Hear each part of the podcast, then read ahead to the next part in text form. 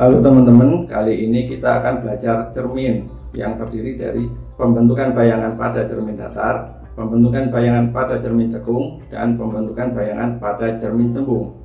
Langsung saja kita mulai pembelajarannya.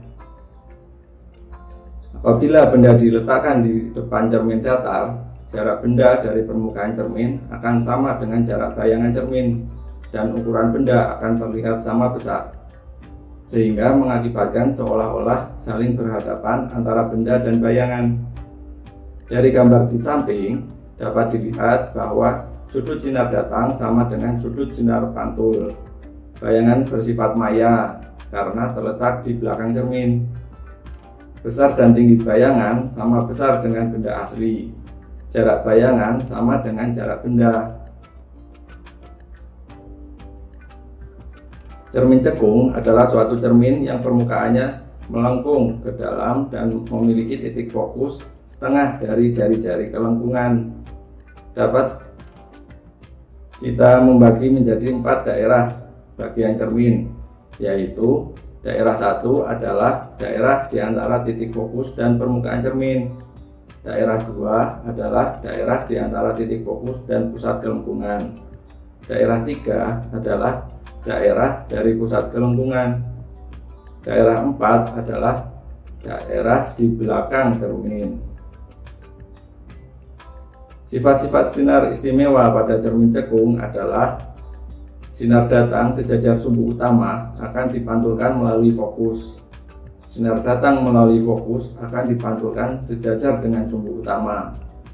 Sinar datang melalui titik pusat kelengkungan akan dipantulkan berhimpit dengan sinar datang. Sudut pantul dari sinar datang sembarang akan sama dengan sudut datang.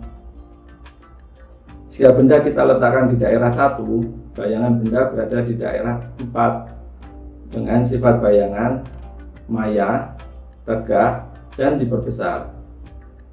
Jika benda kita letakkan di daerah 2, bayangan benda berada di daerah 3 dengan sifat bayangan nyata, terbalik, dan diperbesar. Jika benda kita letakkan di daerah 3, bayangan benda berada di daerah 2 dengan sifat bayangan nyata, terbalik, dan diperkecil. Hubungan antara jarak benda dan jarak bayangan dapat dituliskan dengan persamaan 1 per F sama dengan 1 per S ditambah 1 per S aksen.